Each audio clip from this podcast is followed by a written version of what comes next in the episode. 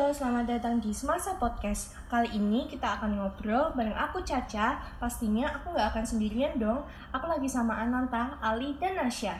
Hai. Halo. Ya, oke. Gimana nih selama kalian di rumah aja? Kalian tuh ngapain aja sih?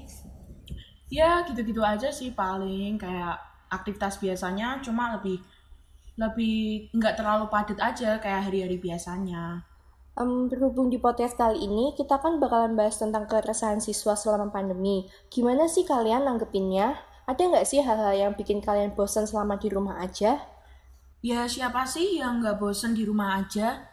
Kita sekolah online ini hampir mau 8 bulan dan pastinya kegiatannya cuma gitu-gitu aja.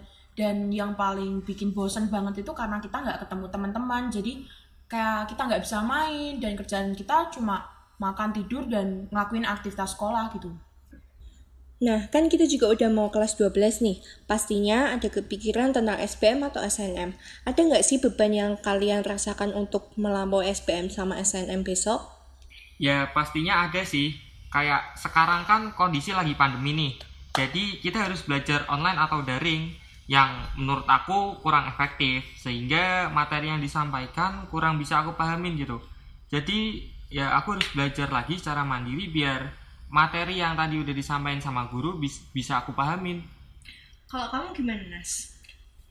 Kalau aku sebagai cewek ya, aku ngerasa keteteran antara tugas rumah dan tugas sekolah. Kalau misalnya kan kalau di rumah aja kita pasti disuruh nyapu, disuruh bersih-bersih kamar, dan itu tuh kayak kedistrak buat kita ngerjain tugas maupun ngerjain ulangan. Kayak kita lagi ngerjain tugas, eh, orang tua kan juga kurang merhatiin kalau kita ngerjain tugas. Jadi orang tua kayak nyuruh kita untuk nyapu, jadi itu kayak kedobelan gitu loh. buat aku di rumah aja tuh kurang kondisif untuk belajar karena apa karena ketertarikan untuk tidur ingin bermain game dan lain-lain terus untuk soal tugas aku pasti terpacu dengan kata-kata kalau bisa besok kenapa sekarang Loh, seharusnya kamu jangan jadiin itu pacuan. Harusnya itu tanggung jawabmu buat ngumpulin tugas.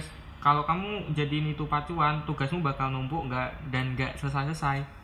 Iya juga sih, itu kan juga tergantung orang masing-masing. Kira-kira apa lagi?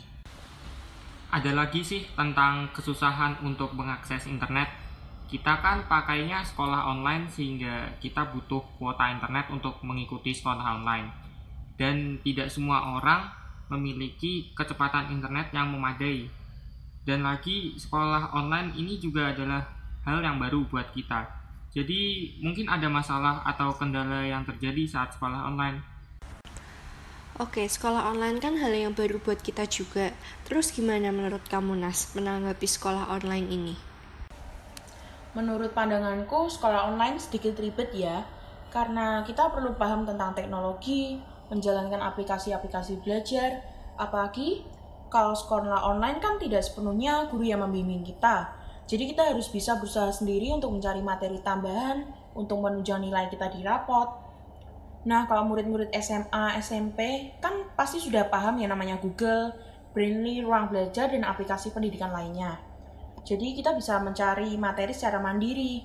Kebayang nggak sih kalau adik-adik kita yang masih TK, SD, yang seharusnya dapat bimbingan penuh dari guru, sekarang karena sekolah online, mau tidak mau orang tua harus ikut campur tangan. Susahnya kalau orang tua tidak terlalu paham tentang teknologi dan mengakses aplikasi pendidikan, mereka pasti sangat kesusahan baik dari anak maupun orang tuanya. Sebenarnya ada cara mudah untuk memberikan pembelajaran yang lebih pada anak. Seperti bisa mengundang guru les, tapi tidak semua orang tua mampu untuk membiayai les tersebut kan? Nah, selain orang tua yang kurang paham teknologi, kendalanya juga ada di beberapa guru yang kurang paham teknologi nih. Karena ya memang tidak semua guru pasti sangat paham teknologi dan pengaplikasiannya ya. Seperti cara pengumpulan tugas di Google Drive yang beberapa guru tidak paham cara pengaplikasiannya. Alhasil ada beberapa mata pelajaran yang tugasnya dikumpulkan ke sekolah. Itu tentu menyulitkan siswa yang rumahnya berjarak jauh dari sekolah karena deadline pengumpulan itu sangat mendadak. Dan ada juga faktor dari orang tua yang tidak bisa mengantar siswa tersebut. Terus juga menurut pengalaman aku sih, kita kan udah ngerjain tugas tuh sesuai deadline. Nah, padahal ada guru tuh ngoreksinya kayak kapan-kapan gitu. Jadinya sekarang aku udah tahu kayak gitu. Ya bukannya nggak semangat ngerjain tugasnya lagi sih, tapi lebih ke kaget aja. Oke, sekarang gimana sih cara kalian ngadepinnya? Kalau menurut aku sih saling mengerti keadaan satu sama lain aja sih antara guru dan siswa. Ya misalnya kalau ada kejadian yang nggak terduga saat kita lagi ada urusan gitu. Iya juga sih, kita sabar aja, mau gimana lagi.